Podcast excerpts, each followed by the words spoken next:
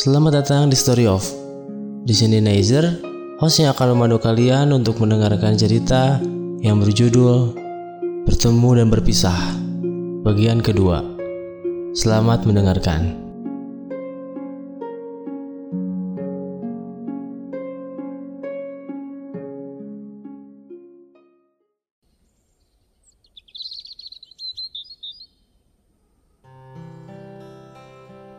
Kicauan burung membangunkanku. Pagi itu aku lihat matahari sudah tinggi. Hari ini hari libur, jadi aku bisa bersantai tanpa harus bergesah-gesah berangkat ke sekolah. Aku bangun dari tempat tidur sambil kubuka mataku dan berjalan ke kamar mandi.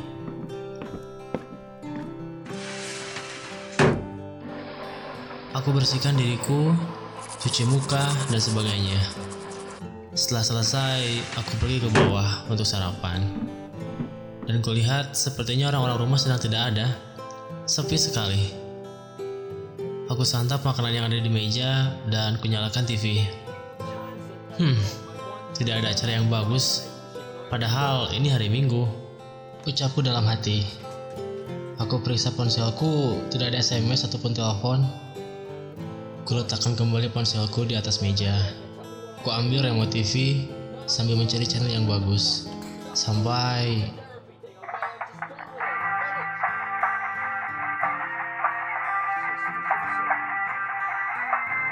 Ponselku berbunyi. Kulihat ada nomor asing yang menghubungiku.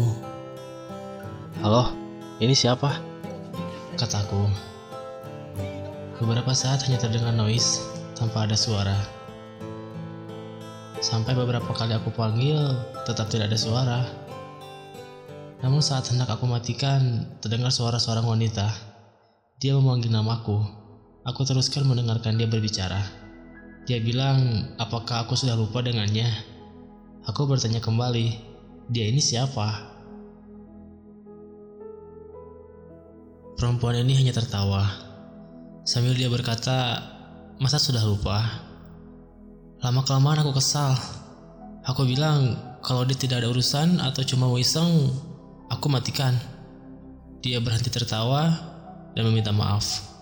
Dia bilang, apa aku lupa dengan gadis yang aku berikan gelang berwarna coklat dengan gantungan kepala beruang.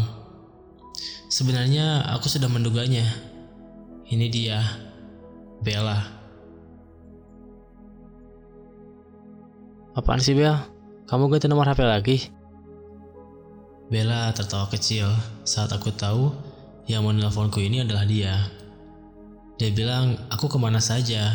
Akhir-akhir ini tidak pernah memberi kabar, bahkan di sekolah pun kita jarang bertemu.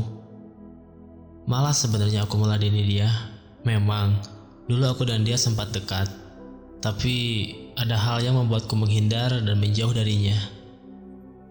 Aku bilang, ada apa? Menelponku pagi-pagi.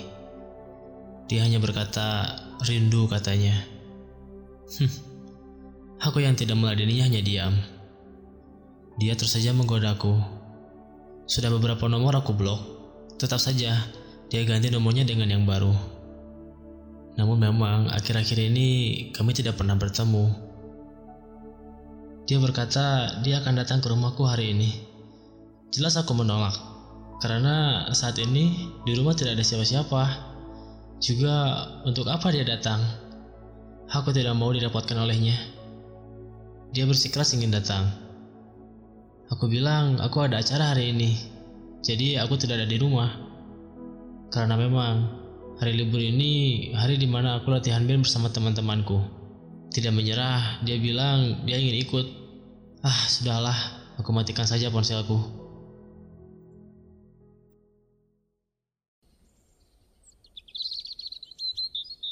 Kulihat sekarang waktu menunjukkan jam 10 pagi.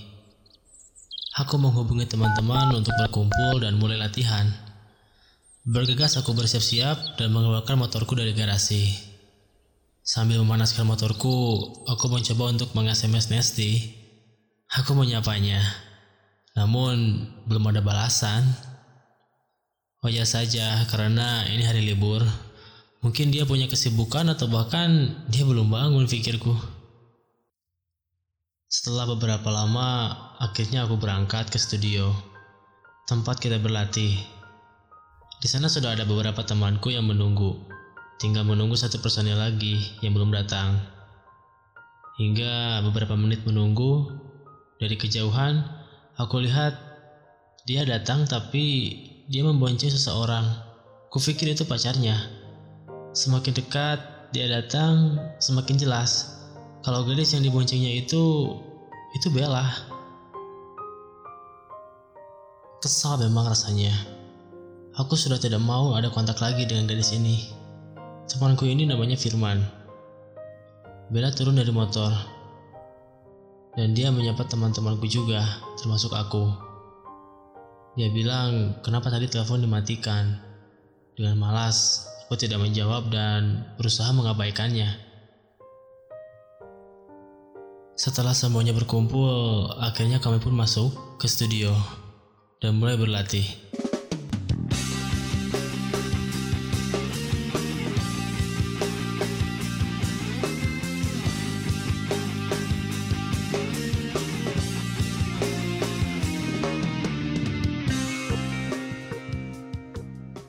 Bella pun ikut masuk dan menyaksikan kami berlatih. Dalam hati, untuk apa dia ikut ke sini? Juga kenapa temanku mau saja membawanya.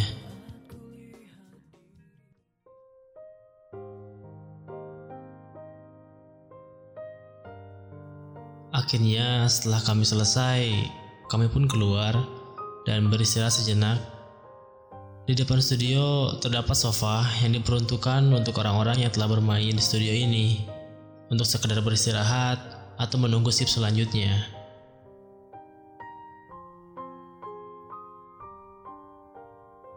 Aku meminta izin untuk pergi membeli minuman. Bella memaksaku untuk ikut. Aku menolak, karena aku lebih dulu mengajak Firman. Di perjalanan, aku bertanya, Fir, lu kenapa sih ngajak si Bella? Padahal lu tahu kan, gue paling males sama dia. Dia bilang kalau Bella ke rumahnya pas tadi dia mau berangkat karena rumah mereka memang berdekatan dan Bella juga tahu kalau Firman ini salah satu dari personil bandku. Apa boleh buat jika sudah seperti ini? Akhirnya aku membeli beberapa minuman dan kembali ke studio. Kulihat Bella mengobrol bersama teman-temanku. Memang dia sudah tidak canggung lagi bersama kami. Pasalnya dulu saat kami dekat, dia selalu ikut jika aku berlatih. Nih minumannya. Aku menyimpan bungkusan plastik di atas meja. Yang di dalamnya ada beberapa kaleng minuman ringan. Aku duduk di dekat Bella karena sopanya memang tidak terlalu besar. Saat kami mengobrol, sesekali Bella kontak fisik denganku. Dari mulai dia bersandar-sandar, lalu memegang tanganku. Namun, aku menghiraukannya. Udah siang nih, gue kayaknya harus balik deh. Kataku, mereka juga sama. Beberapa dari mereka ada acara pribadi juga. Jadi, kami sepakat untuk pulang. Saat kami hendak mengambil motor, tiba-tiba Firman bilang kalau motornya itu bocor. Dan kulihat Memang iya. Untungnya tambah ban tidak jauh dari sini. Aku bilang untuk mendorongnya saja. Lalu Bella mendekatiku yang tengah melihat ban motornya Firman dan berkata, "Bagaimana dia pulang? Jika harus menunggu menambal, pasti lama."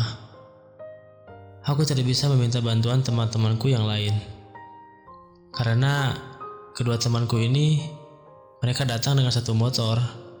Jadi tidak mungkin Bella bisa ikut meskipun rumahnya searah. Mau tak mau akhirnya aku yang mengantarkan Bella pulang. Karena tidak tega juga kalau harus dia menunggu bersama Firman.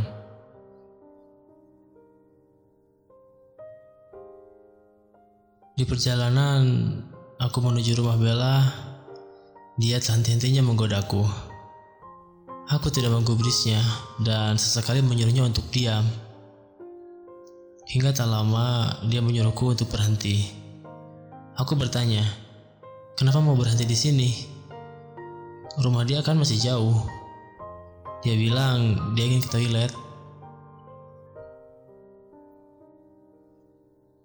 Hmm, mau tak mau, akhirnya aku hentikan motorku di dekat taman yang ada toiletnya. Dia turun dan lekas pergi ke toilet. Aku injak setanah motorku dan pergi ke bangku yang tidak jauh dari motorku ini. Kulihat ada beberapa orang yang sedang olahraga atau hanya sekedar bersantai di taman ini. Dan tak lama Bella kembali. Udah, ayo pulang. Aku berdiri dan hendak kembali ke motorku. Namun Bella memegang tanganku dan menyuruhku untuk duduk kembali. Dia bertanya dengan wajah yang serius, "Ada apa denganku?" Aku tidak menjawab pertanyaannya. Dia memegang tanganku lagi. Dia bilang, "Jangan seperti ini." Dia ingin aku memberi alasan kenapa aku berubah dan apa yang telah dia perbuat. Udahlah Bel, gak usah ngebahas ini. Aku udah nyaman kayak gini sekarang. Saat aku bilang seperti itu, dia diam. Dulu, saat kami masih dekat, aku dan Bella sudah seperti pacar. Namun kami tidak pernah mengungkapkan perasaan itu. Karena aku berpikir, tanpa aku bilang pun, mungkin dia sudah tahu perasaanku padanya seperti apa. Dari mulai panggilan sayang, serta waktu yang aku berikan padanya, itu semua sudah menjadi sebuah bukti bahwa aku dan dia, meski kami tidak mengungkapkan perasaan satu sama lain, tapi itu semua sudah mewakili perasaan dan hubungan kami. Aku menyukainya karena Bella adalah gadis periang. Dia selalu ceria dan selalu membuatku nyaman. Di mana aku sedang sedih, dia pasti bisa menghiburku dan membuatku ceria kembali. Bella adalah gadis yang cantik, dengan badan yang ideal serta sedikit cabai. Teman-temanku bilang kalau dia itu bohai. Rambutnya sepunggung dan mata yang bulat, tak lupa lesuk pipi yang terlihat saat dia tersenyum, membuatku jatuh hati padanya. Tapi itu dulu, sebelum dia membuatku kecewa. Aku akhiri obrolan ini dan mengajaknya untuk pulang meski tidak mudah, karena dia bilang ingin bersamaku lebih lama. Bila kekeh tidak mau pulang, aku juga tidak mungkin untuk memaksanya. Hingga tak lama, Firman datang menghampiri kami. Dia bertanya, sedang apa kami di sini? Syukurlah dia datang di saat yang tepat. Dan sepertinya motornya pun telah selesai diperbaiki. Akhirnya aku meminta Firman untuk membawa Bella pulang. Awalnya Bella menolak, namun aku tak menghiraukannya dan membalikkan motorku kembali menuju arah rumah.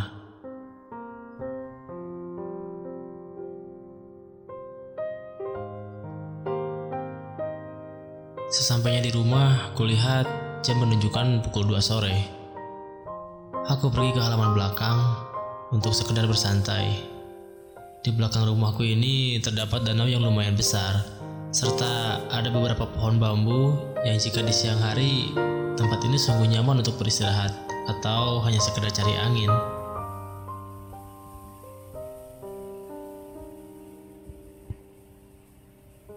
Aku duduk di tempat duduk yang menghadap danau ini, sambil kubuka ponselku, dan saat kulihat, ada beberapa panggilan tak terjawab, juga beberapa SMS dari Nesti. Aku membuka SMS darinya yang isinya balasan dari pesanku tadi pagi. Dia juga menanyakan, aku sedang apa hari ini. Aku membalas SMS-nya dan meminta maaf karena lama membalasnya. Akhirnya hari itu aku bersms dengannya.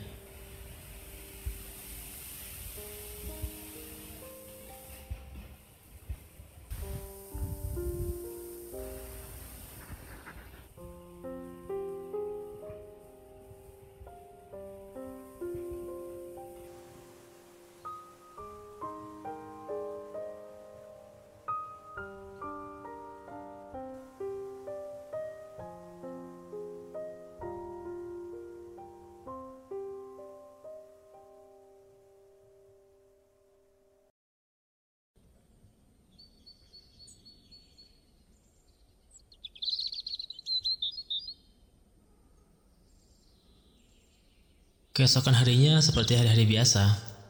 Aku pergi sekolah dan kulihat cuaca sedikit mendung. Sampai-sampai matahari tidak bisa menembus awan hitam yang menghalangi sinarnya.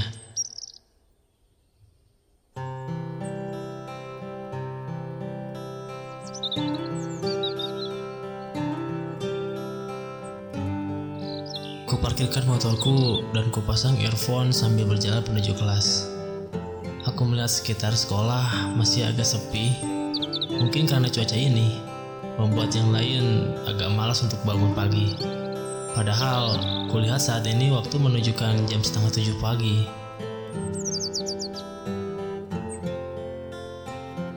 Aku berjalan menuju kelasku melewati taman bambu sambil mendengarkan musik. Aku berjalan sampai aku dikejutkan oleh tangan yang menutupi pandanganku. Aku berusaha membuka tangan ini dan melihat siapakah orang yang iseng padaku. Saat kulihat seorang gadis yang memakai sweater berwarna biru muda. Gadis ini tersenyum kepadaku. Ternyata itu Bella. Kulepaskan earphoneku dan memandanginya. Dia bilang dia memanggilku, namun aku tidak mendengarnya. Aku tidak berbicara sedikit pun, dan pergi meninggalkannya. Aku berbalik, dan saat akan aku pakai earphoneku, dia memanggil namaku. Aku berhenti sejenak. Kulepaskan earphoneku dari tangan. Dia ingin tahu kenapa aku berubah seperti ini. Aku lihat dari sudut mataku, dia sudah tidak tersenyum. Wajahnya yang selalu ceria kini terlihat sedih. Lanjut dia bertanya lagi, sebenarnya apa yang telah dia lakukan sampai-sampai aku membencinya. Dengan mata yang berkaca-kaca, dia menunggu jawaban dariku. Kudekati dia, sambil kupandang matanya. Kulihat air matanya menetes. Apa kamu ingat masa-masa di mana kita dekat? Kita ngabisin waktu bareng-bareng. Bella menjawab, karena itu dia tidak mengerti apa yang terjadi sebenarnya. Sampai-sampai aku menghiraukan dan menjauhinya. Kamu ngerasa gak sih? Perasaan aku dulu ke kamu tuh kayak gimana? Bella masihlah memandangi wajahku. Seakan-akan dia ingin aku segera mengatakan alasan kenapa aku menjauhinya. Aku dulu suka sama kamu, Bel. Mungkin dulu aku nggak berani bilang kayak gini. Karena kita udah deket banget. Dan juga kamu pasti tahu apa yang aku rasain sama kamu. Hubungan kita udah gak kayak temen. Dulu aku nggak pernah mau denger gosip soal kamu deket sama anak kelas 3. Karena aku percaya sama kamu. Tapi apa? Aku yang udah percaya dan kepercayaan aku malah kamu sia-siain. Hari Sabtu tanggal 3 Desember kemarin, pas istirahat, aku nyariin kamu. Aku tanya sama teman-teman kamu, mereka ada yang lihat kamu jalan sama anak kelas 3 ke belakang sekolah. Sedikit pun aku nggak percaya sama mereka. Tapi pas aku susul dan aku lihat, ternyata bener. Kamu lagi berduaan, bermesraan sama anak kelas 3 itu. Dan kamu tahu apa? Aku lihat kalian ciuman di depan mata aku sendiri. Dan boom, aku sakit hati. Makasih.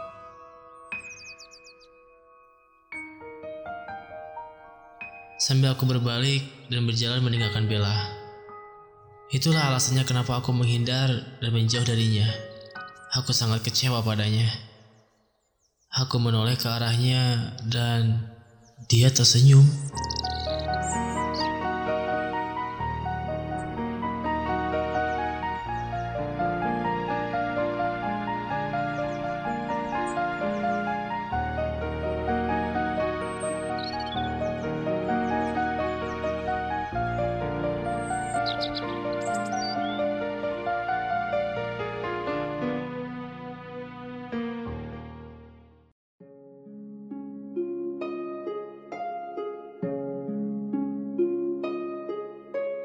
Terima kasih telah mendengarkan cerita di Story of. Jangan lewatkan untuk mendengarkan episode selanjutnya dan jangan lupa share podcast ini ke teman-teman kamu. Di sini Neizer pamit undur diri. Terima kasih.